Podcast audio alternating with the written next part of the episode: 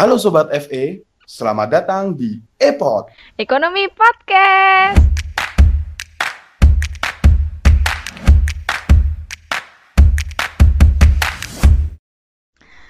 Hai teman-teman FE, ketemu lagi nih sama aku Valen di Epot Ekonomi Podcast episode 2. Hari ini kita bakal ngebahas yang lagi hype banget nih di kampus kita. Mungkin dari teman-teman udah pada notice, yaitu kampus mengajar angkatan 2. Nah, sekarang aku lagi bareng nih sama teman-teman kampus mengajar angkatan pertama. Mungkin teman-teman kampus mengajar bisa say hi dulu sekaligus perkenalan ke pendengar-pendengar kita. Oke, hai semuanya, hai. Oke, perkenalkan nama saya Bella Anggreni Sulvesi Sutono, panggil aja Bella. Uh, saya di kampus mengajar angkatan pertama ini dapat penempatan tugas di SD 7 Tanjung Rejo, Kecamatan Jekulo, Kabupaten Kudus. Oke, tadi udah perkenalan dari Bella, mungkin langsung next ke teman-teman kampus mengajar. Oke, hai teman-teman semuanya. Perkenalkan nama saya Cindy Mustika Arumsari. Saya dari jurusan akuntansi Universitas Semarang semester 6. Hai teman-teman semua, kalau saya Dwi Nur Farika, saya dari Universitas Semarang, jurusan akuntansi. Hai semuanya, saya Dwi Yuliana dari Universitas Semarang, program akuntansi semester 6. Halo semuanya, perkenalkan nama aku Ratih Ambarwati, bisa dipanggil Ratih. Aku jurusan akuntansi Fakultas Ekonomi dari Universitas Semarang semester 6. Oke, nah kita udah kenalan nih sama Cindy, Bella, Rati, Dwi Yuliana, dan Dwi Nur. So, apa kabar nih teman-teman kampus mengajar angkatan pertama? Sehat-sehat semua di tempat masing-masing? Alhamdulillah sehat, Alhamdulillah Kak. sehat. Alhamdulillah. So, kalian ini kan udah lama nih, udah bisa dibilang kalian udah merantau, udah jauh dari rumah, jauh dari kampus. Dan gak mungkin banget buat kalian yang namanya tilik rumah. Kayak sudah jarang banget tilik rumah, apalagi sampai main ke kampus ataupun tilik kampus itu kan udah lama banget. Eh, kalian ini di kampus mengajar nih ditempatin di mana aja sih yang kalian sekarang ini nih? Dari Bella dulu mungkin? Saya ditempatkan di SD 7 Tanjung Rejo, Kecamatan Jekulo, Kabupaten Kudus. Wow, dari Cindy? Oke, dari saya penempatan di SD Negeri 3 Sikumpul, Kecamatan Kalibening, Kabupaten Banjarnegara. Kudus, Banjarnegara, Ratih? Kalau aku sendiri, domisili sendiri sih aku di Semarang, tepatnya di SD Surya Bimo Krisno, itu ada di Brimob Pasadena, di Kecamatan Kalian. Oke, Kudus, Banjarnegara, Ngalian, oh my god jauh-jauh. Dwi Yuliana? Kalau saya ditempatkan di daerah sendiri, di tepatnya di SD Negeri Pragu, Kecamatan Sulang, Kabupaten Rembang. Oke, Rembang di tempat sendiri ya. Kalau dari Dwi Nur? Kalau saya juga ditempatkan di daerah sendiri, yaitu di SD Negeri 1 Lodan Wetan, tepatnya di Kecamatan Sarang, Kabupaten Rembang. Di Rembang. Ini semuanya berarti di tempat sendiri atau ada yang enggak di domisili sendiri? Ada nih Kak dari saya yang di Banjarnegara. Jadi saya itu eh, rumah saya itu ada di Demak, tepatnya di Kecamatan Langgen, tapi saya penempatannya di Banjarnegara. Oke, oke, agak melempang jauh ya dari, dari Demak ke Banjarnegara. Nah, ini berarti tadi yang kayak aku bilang udah jauh banget dari rumah, nggak ke kampus. Nah, terus kuliah kalian gimana tuh? Apakah kuliah kalian terbengkalai nggak sih ketika ikut program kampus mengajar? Hmm, sebenarnya sih enggak sih, karena kan kuliah itu kan merupakan prioritas ya bagi kita sebagai mahasiswa. Nah, sedangkan kampus mengajar sendiri itu merupakan prioritas bagi saya. Tapi saya lebih mementingkan kuliah saya, sedangkan kampus mengajar sendiri itu saya memang memprioritaskan sebagai prioritas saya yang kedua. Jadi ketika uh, ada jam kuliah saya yang bertabrakan dengan jam mengajar saya di SD, saya bisa meminta tolong kepada teman-teman saya, khususnya teman-teman mahasiswa lain yang ada di universitas lain yang bertepatan di SD saya. Saya sendiri itu memegang kelas 4. Jadi di kelas itu terdiri dari 8 sampai 10 siswa dengan dipegang dua mahasiswa. Nah, kebetulan tuh SD saya tuh berbeda dengan SD-SD umumnya. Jadi SD saya tuh SD inklusi. Jadi kan harus membutuhkan tenaga yang ekstra banget nih dan penuh kesabaran untuk menghadapi siswa-siswa seperti itu. Jadi setelah saya selesai kuliah tuh biasanya saya akan megang anak tersebut. Jadi kita bisa kuliah juga bisa mengajar siswa tersebut. Jadi nggak ada yang tanyaan seperti kuliahnya terbengkalai nih, ini, ini, ini. Enggak kok, enggak sama sekali. Justru kita bisa bergantian dengan mahasiswa lain dengan mengajar di SD itu.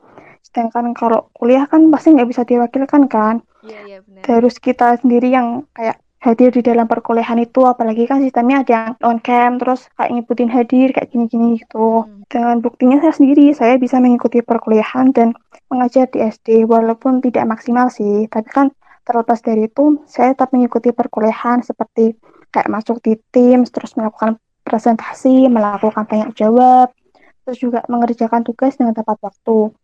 Kalau kita melaksanakan dengan enjoy sih, pasti bisa kok, nggak akan terasa berat dengan semangat sama tekad yang kuat. Itu akan bisa dilalui dengan mudah. Seperti uh, jargon dari kampus mengajar sendiri, yaitu, yuk bisa yuk, aku boleh minta time bentar ya untuk teman-teman semuanya. Kalau misalnya seandainya aku bilang kampus mengajar, kalian bisa bilang ya, yuk bisa yuk ya, biar semangat ya. Boleh ya kak? Boleh, boleh, boleh. Kampus mengajar, Yuk, Yuk, bisa yuk. Oke. terima kasih. Bahkan kampus mengajar sendiri punya jargon sendiri. Yuk bisa yuk. Sangat menyemangati diri sendiri. Berarti memang harus butuh time management yang bagus. Berarti istilahnya kalau kalau orang sering bilang tuh eh, kita tuh nyambi gitu ya, nyambi kuliah, nyambi kampus mengajar, gitu ya Rati ya. Yuk, betul sekali. Oke, jadi kita udah dapat penjelasan nih dari teman kita kampus mengajar yang pertama. Lalu aku juga mau tanya nih ke teman-teman kampus mengajar. Ini mungkin pertanyaannya sering banget ditanyain sama teman-teman pendengar kita. Bahkan untuk yang mau daftar ke kampus mengajar angkatan 2. Sebenarnya nih, sebenarnya mungkin aku juga penasaran ya sebenarnya kalian selama kampus mengajar ini nih ngapain aja sih? Kayak apa aja yang kalian lakuin di kampus mengajar ini? Dari Dwi Nur? Oke, terima kasih ya. Selama proses kampus mengajar itu, kita melaksanakan program yang memang itu ada program wajib atau program pokok yang sudah ditentukan oleh pemerintah, dan ada juga program sendiri dari masing-masing SD penempatan itu. Dan program pokok itu ada tiga. Yang pertama pembelajaran literasi dan numerasi, yang kedua ada administrasi, yang ketiga ada adaptasi teknologi. Nah, untuk pembelajaran numerasi dan literasi itu yang dilakukan itu kita biasanya membantu guru mengajar atau membantu di saat guru itu tidak bisa ada halangan hadir untuk masuk di kelas gitu. Jadi kita itu membantu dari kelas 1 sampai kelas 6. Nah, untuk sistemnya sendiri itu tergantung di SD penempatan masing-masing gitu. Jadi untuk di SD saya itu untuk membantu pembelajaran itu sesuai dengan kebutuhan guru yang ada di sana gitu. Misalnya guru membutuhkan bantuan kita untuk mengajarkan mata pelajaran tertentu gitu, kita masuk di kelas tertentu. Misalnya ada guru yang berhalangan hadir, kita juga masuk di kelas itu. Dan ada juga yang mungkin dari teman-teman itu ada yang memegang satu kelas gitu loh secara tetap untuk full selama tiga bulan itu. Itu juga ada. Uh, untuk program yang kedua kan ada administrasi ya. Administrasi itu di SD penempatan saya sendiri itu pelaksanaan administrasi itu administrasi perpustakaan. Karena perpustakaan yang ada di SD itu belum berjalan gitu. Nah, kegiatannya itu bisa menata-nata buku, bisa untuk juga memberikan nama-nama di dalam buku tersebut, pengklasifikasian buku-bukunya, dan juga bukunya itu didata menurut kategorinya masing-masing gitu. Jadi menurut kelasnya masing-masing. Nah, tujuannya itu supaya siswa itu tertarik gitu loh untuk datang ke perpustakaan. Wah, bukunya tertata rapi dan di sana juga nyaman gitu loh melihat perpustakaannya tuh rapi. Nah, administrasi selanjutnya itu juga membantu operator sekolah nih. Operator sekolah kan di SD penempatan itu ada operator sekolah yang menangani dapodi gitu ya. Kita juga membantu operator itu apa yang dibutuhkan. Seperti kan ini kan di akhir pembelajaran ini ada penerimaan rapot. Nah, itu pastinya kan memasukkan nilainya banyak sekali ya. Kita itu membantu di sana gitu. Dan yang ketiga itu kan ada adaptasi teknologi. Nah, itu di adaptasi teknologi itu ada dua ada adaptasi teknologi ke gurunya dan adaptasi teknologi ke siswanya gitu. Untuk adaptasi teknologi ke guru itu biasanya untuk kita sendiri itu kita memaksimalkan teknologi untuk pembelajaran secara daring gitu. Kita semisal melakukan pelatihan ke gurunya gitu gimana sih untuk aplikasi secara daringnya itu uh, SD penempatan saya sendiri kebanyakan gurunya itu sudah sepuh gitu loh jadinya kita perlu pendampingan gitu untuk mengenalkan aplikasi untuk pembelajaran online dan untuk siswanya sendiri itu kita melakukan adaptasi seperti pengenalan uh, Microsoft Word gitu. Ada apa aja sih sistem-sistem yang ada di Microsoft Word gitu supaya dia itu nantinya ke jenjang SMP itu sudah ada bekal gitu.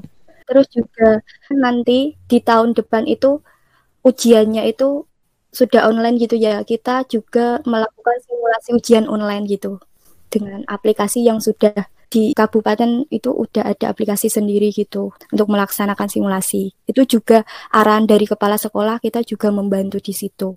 Nah, selain program yang wajib itu, kita juga ada program sendiri nih dari SD penempatan masing-masing, seperti membuat media pembelajaran yang menarik untuk memotivasi siswa untuk tetap semangat dalam belajarnya dan tidak lupa tetap mematuhi protokol kesehatan gitu karena kan keadaannya juga pandemi.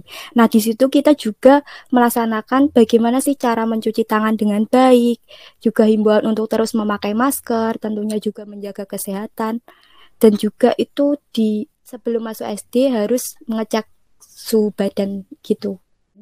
Oh, oke okay, oke. Okay. Keren banget, keren banget. Nah, sebelumnya aku mau tanya juga nih sama teman-teman. Dari coba dari Dwi Nur dulu, kamu pegang kelas berapa sih? Ya, kalau saya itu megang kelas itu kelas 1 sampai kelas 6 tergantung kebutuhan di SD-nya itu, Valen. Jadi kita itu apa ya, kita itu juga okay. belajar lagi flashback ke materi-materi SD gitu. Oh, oke okay, oke. Okay. Harus flashback banget ke materi-materi SD. Kalau dari Bella, Bella tadi ngajar di kelas? Uh, kalau dari saya megang di kelas 5, memang khusus buat kelas 5. Jadi baik literasi maupun numerasi itu di kelas 5. Oke, kelas 5. Cindy? Oke, kalau dari saya itu dari kelas 1 sampai kelas 6. Jadi kan eh, kami yang bertempatan di SD Negeri 3 Sikumpul ini kan juga kuliah, terus saling melengkapi jika nanti guru membutuhkan di kelas 1, tapi teman saya yang biasanya di kelas 1 ada kuliah, jadi saya nanti di kelas 1, bergantian gitu saling melengkapi, dari kelas 1 sampai kelas 6. Oh, oke okay, oke. Okay. Oke, okay, kelas 1 sampai kelas 6. Dari Duyul? Kalau saya itu memegang kelas 2, tapi kadang bergantian sama dengan yang lain. Kalau yang lain tidak bisa hadir, maka bergantikan di kelas yang lain. Gitu. Oke oke, menarik sih ini. Tadi Ratih kelas 4 ya? Pegang kelas 4. Iya, tuh. Kelas 4, ada kelas 1 sampai 6. Ada kelas 5 aja, ada kelas 2 aja. Emang beragam banget dan memang kita harus agak flashback. Ya kan agak sih kayak harus flashback ke materi-materi SD lagi. Nah, ini tadi kan teman-teman jelasin uh, apa aja sih yang kalian lakuin di kampus mengajar ini. Apakah di kampus mengajar ini kita tuh harus punya basic guru nggak sih? Kalau mau mengajar di kampus mengajar ini, mau ikut di kampus mengajar ini. Mungkin dari Bella? Ya, oke okay, Mbak. Jadi kalau basic tentang yang kita harus punya pendidik apa? Yang jurusan pendidikan itu enggak. Jadi semua jurusan bisa mengikuti program ini. Buktinya kita semua kan dari jurusan akuntansi. Nyatanya kita masuk ya kan, Mbak? Iya, iya benar-benar. Nah, iya. Dan semua jurusan itu pasti berguna, Mbak. Untuk penerjunan itu sangat berguna kok. Mau kita jurusan akuntansi, mau kita jurusan pendidikan, itu semuanya akan berguna. Contohnya kayak gini. Yang seperti tadi udah dijelaskan Mbak Dwi Nur Farika, kalau program kita walaupun memang judulnya kampus mengajar, tapi kita tidak cuma mengajar. Ada seperti adaptasi teknologi, ada kayak duta perubahan lingkungan di corona ini kan. Nah, untuk SD saya contohnya, saya sendiri jurusan akuntansi nih.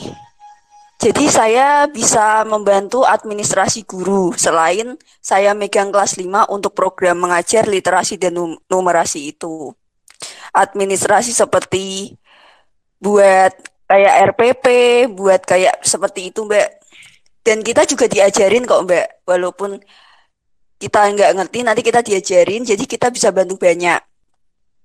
Terus di punya saya juga ada yang jurusan farmasi nih. Kan kalau kita pikir kok mengajar kok jurusan farmasi. Kan agak aneh ya, Mbak. Mm-mm-mm. Nah, tapi enggak di penerjunan ini sangat berguna. Contohnya dia bisa mengaplikasikan ilmu yang dia dapat di tempat kuliah itu di sekolahan. Kalau kemarin itu dia buat hand sanitizer. Jadi dia buat, dia racik, terus dibagikan ke anak-anak. Kan itu ikutnya jadi program kita yang Duta Perubahan Lingkungan. Terus ada yang dari ahli gizi. Dia juga kayak mengajari anak-anak, oh gizi yang seimbang itu seperti ini. Kan kalau sekarang bukan empat sehat lima sempurna lagi pakainya isi piringku. Itu gizi seimbang. Oke. Saya juga bisa belajar nih dari teman-teman Mbak yang tadinya nggak tahu buat hand sanitizer, nggak tahu empat sehat lima sempurna tuh udah ganti loh. Tapi sekarang kan jadi tahu gitu. Terus ada juga nih yang dari SI, Sistem Informatika lah. Itu juga bisa membantu di eh, adaptasi teknologi. Kayak kemarin buat kuis, itu pakainya aplikasi yang dia buat juga buat soal-soal, buat UTS, buat PR gitu. Itu sih Mbak, pokoknya intinya buat teman-teman lain yang mau mengikuti program kampus mengajar angkatan 2, kalian nggak usah perlu mikir-mikir lagi deh. Kok aku jurusan ini ya, kok aku nggak nggak jurusan pendidikan ya, nggak, kalian pasti berguna. Toh kita juga akan dikasih pembekalan sebelum penerjunan. Pembekalan itu ya berguna untuk kita. Nanti kita bakal ngapain aja tuh di situ. Oke, oke. Tadi dari Villa jelasin apakah harusnya basic guru dan jelasin teman-temannya yang lain. Ternyata dari dari jurusan lain malah berguna banget di kampus mengajar ini. Aku speechless sih. Kalau kalian semua bisa lihat wajahku sekarang, aku cukup kaget-kaget juga sih. Ternyata kayak jurusan SI, farmasi, bisa semua dan ternyata malah bisa saling melengkapi gitu ya Bella ya? Ya, bener sekali, Mbak. Oke, bisa saling melengkapi juga. Nah, buat teman-teman tadi yang bener nih yang dibilang Bila tadi juga, yang masih mikir-mikir, jangan jangan kelamaan, keburu pendaftarannya udah tutup. Nah, terus kalau buat, nah ini ya mungkin menyambung juga dari ajakan Bila tadi. Kampus mengajar, udah ini aku udah mau daftar nih Mbak. Aku sudah pengen banget daftar, aku sudah nyiapin pendaftaranku, tapi aku nggak tahu caranya buat daftar. Nah, mungkin dari teman-teman kampus mengajar angkatan pertama nih bisa dijelasin gimana sih cara daftar kampus mengajar sendiri, prosesnya gimana aja. Dari Dwiyul? Ya, sebelumnya terima kasih atas pertanyaannya. Proses mengikuti kampus mengajar sendiri yaitu yang pertama harus menyiapkan dokumen yang diperlukan, mulai dari surat rekomendasi dekan, dan yang kedua ada transkrip nilai, dan yang ketiga surat keterangan pengalaman mengajar jika ada, ataupun jika tidak ada bisa dengan surat pengalaman berorganisasi. Dan yang terakhir yaitu sertifikat prestasi. Sedangkan untuk syaratnya sendiri yaitu yang pertama harus mahasiswa aktif minimal di semester 5, dan yang kedua berasal dari seluruh program studi sarjana dari perguruan tinggi di bawah koordinasi bidang dikti. Dan yang ketiga yaitu harus memiliki IPK minimal 3 dari skala 4. Nah, apabila dokumen dan syaratnya sudah memenuhi, langkah selanjutnya yaitu membuat akun di aplikasi MBKM. Kedua, jika sudah membuat akun, maka harus melengkapi data diri dan memastikan mulai dari nama, NIM, NIK, serta tanggal lahir harus sesuai dengan PDB Dikti. Dan yang terakhir yaitu melengkapi formulir pendaftaran dengan mengunggah semua dokumen yang diperlukan di akun MBKM. Yang nantinya akan diseleksi lebih lanjut lagi mengenai seleksi administrasi dari data yang diunggah tersebut. Nah, apabila mahasiswa dinyatakan lolos pada tahap seleksi administrasi, maka akan mendapatkan email dari sistem MBKM. Dan untuk langkah selanjutnya yaitu pada tahap kedua akan ada seleksi wawasan kebangsaan. Nah, apabila kedua seleksi tersebut lolos, maka mahasiswa tersebut sudah dinyatakan lolos dalam program kampus mengajar. Untuk informasi lolosnya bisa dilihat di email ataupun akun MBKM. Atau untuk informasi lebih lengkapnya mengenai pendaftaran program kampus mengajar, mungkin bisa dilihat di Instagramnya at kampus mengajar atau laman resminya. Atau untuk mengetahui lebih jauh tentang seleksinya, ayo ikutan mendaftar di kampus pengajar angkatan 2. Jangan takut mencoba karena kalian juga bisa menjadi bagian dalam program kampus mengajar di angkatan selanjutnya. Mungkin itu sih kurang lebihnya dari saya. Terima kasih. Oke, thank you Dwiyul udah dijelasin tadi teman-teman. Teman-teman dengar berarti udah denger kan? tata caranya daftar kampus mengajar, apa aja yang harus disiapin. Nah, ini yang masih kemarin yang masih tanya-tanya, Kak, aku semester 2 mau daftar boleh nggak? Jawabannya enggak. Jangan ngeyel, apalagi sampai tapi aku mau daftar. Ya nggak bisa, kamu tunggu semester 5 dulu baru mau daftar. Terus ini untuk teman-teman ini kan udah lama banget nih di kampus mengajar ini, udah tiga bulan. Berarti setelah ini selesai, kurang berapa hari lagi nih kalian selesai untuk kampus mengajar? Satu minggu Enam hari, enam hari lagi kak. Ya, kurang lebih 5-6 hari, Kak. 5 5 6 hari lagi. Wow. Dan tinggal sedikit lagi. Setelah ini beralih ke kampus mengajar angkatan 2. Kalian berarti udah ya ya berarti tadi udah mau selesai, udah di penghujung. Nah, ini yang aku mau tanyakan nih. Suka dukanya apa sih di kampus mengajar ini? Oke, terima kasih kak untuk pertanyaannya. Eh, suka dukanya selama tiga bulan, saya akan menceritakan dari apa ya? Kalau dukanya itu sedikit, cuman banyak ke sukanya ya kak. Oke, yang sukanya itu eh, seperti yang pertama itu ada bisa berbagi ilmu dengan teman, guru, dan murid-murid SD. Contohnya eh, ilmu dari teman deh. Kan di kampus mengajar ini kan dari berbagai jurusan. Kalau di tempat saya itu ada yang jurusan bahasa Indonesia, PJOK, terus jurusan fisika, terus ada yang jurusan asli PGSD sendiri. Nah, di situ tuh kita saling berkolaborasi untuk mewujudkan program mengajar di SD yang saya ajar ini. Nah, untuk guru sendiri, eh, dari kami mahasiswa yang mengabdi di SD Negeri 3 Singkupul ini, saya dan teman-teman itu memberi pelatihan untuk mengajar secara daring, yaitu menggunakan aplikasi Kahoot. Nah, ternyata tuh antusiasnya guru-guru sendiri itu tuh sangat wow banget gitu loh. Ketika kita mengajari tentang aplikasi Kahoot untuk kuis, itu tuh ternyata guru-guru tuh sangat antusias banget. Oh, ini loh ternyata tuh mengajar secara daring atau online itu tidak selalu membosankan untuk mem- apa seperti membuat video terus mengirimkannya ke anak-anak untuk didengarkan dengan anak tidak seperti itu. Tapi tuh ini loh ada kuis yang menarik untuk anak-anak. Nah selanjutnya untuk selanjutnya untuk yang murid SD untuk berbagi ilmu itu kan eh, biasanya kalau saya mengajar itu saya menanyakan ke murid-murid saya bagaimana ketika guru-guru itu mengajar. Nah, saya kan ingin mengikuti guru-gurunya mengajar, tapi anak-anak itu mau belajar tapi dengan di luar ruangan atau belajar dengan bermain atau dengan menyanyi, bermain. Terus tapi di dalam bermain itu ada ilmu yang mereka dapat. Nah, anak-anak tuh ingin seperti itu. Alhamdulillah saya dan teman-teman itu sering belajar di ruang di luar ruangan bermain, belajar, bercerita dan menurut saya anak-anak itu lebih antusiasnya itu lebih bagus, semangatnya lebih bagus karena tidak membosankan ketika belajar di luar ruangan. Nah, untuk selanjutnya itu ada sukanya itu selalu ceria ketika mengajar di kelas.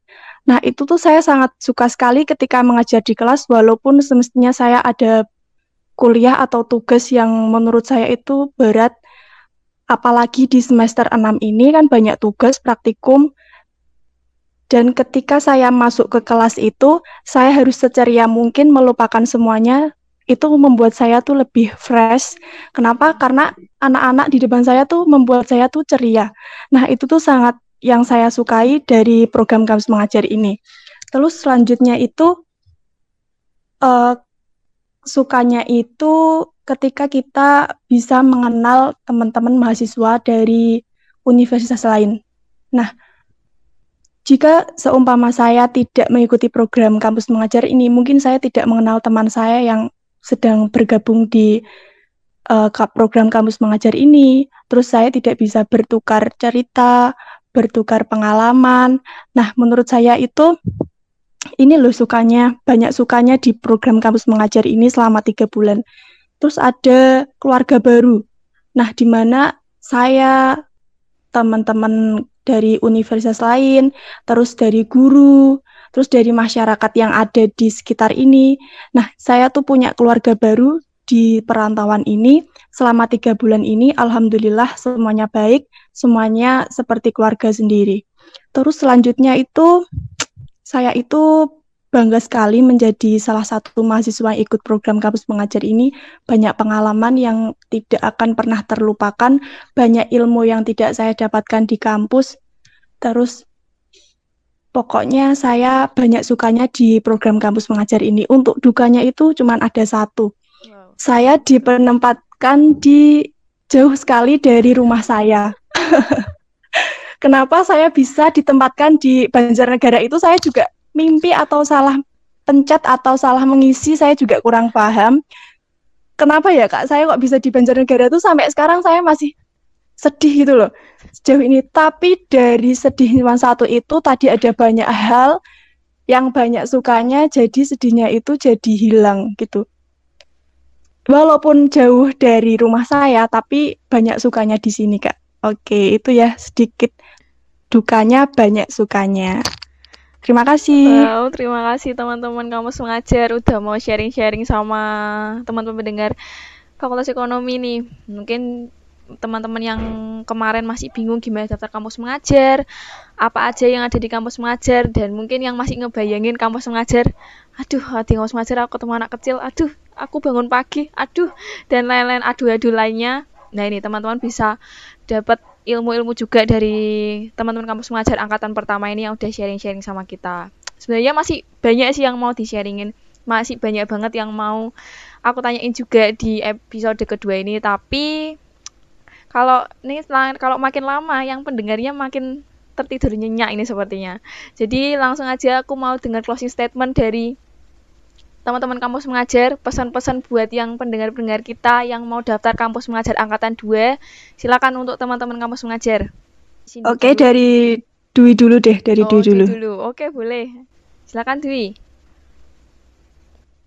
Oke, dari saya ya, kalau statementnya itu jangan pernah apa jangan pernah takut untuk mencoba karena apa yang kalian takuti itu sebenarnya itu adalah kesuksesan nantinya yang akan kamu dapatkan gitu aja sih dari saya. Oke, Dwi. Mungkin dari Cindy bisa ditambah. Terima kasih Kak untuk closing statement dari saya. Merdeka belajar bukan hanya sekedar bebas belajar di jurusan lain seperti jurusan ekonomi, belajar ke jurusan psikologi, tetapi esensinya itu lebih dari itu. Merdeka belajar yang diharapkan pemerintah ini juga bagaimana seluruh masyarakat Indonesia, terutama siswa ataupun mahasiswa Indonesia, memiliki kemerdekaan belajar yang sama.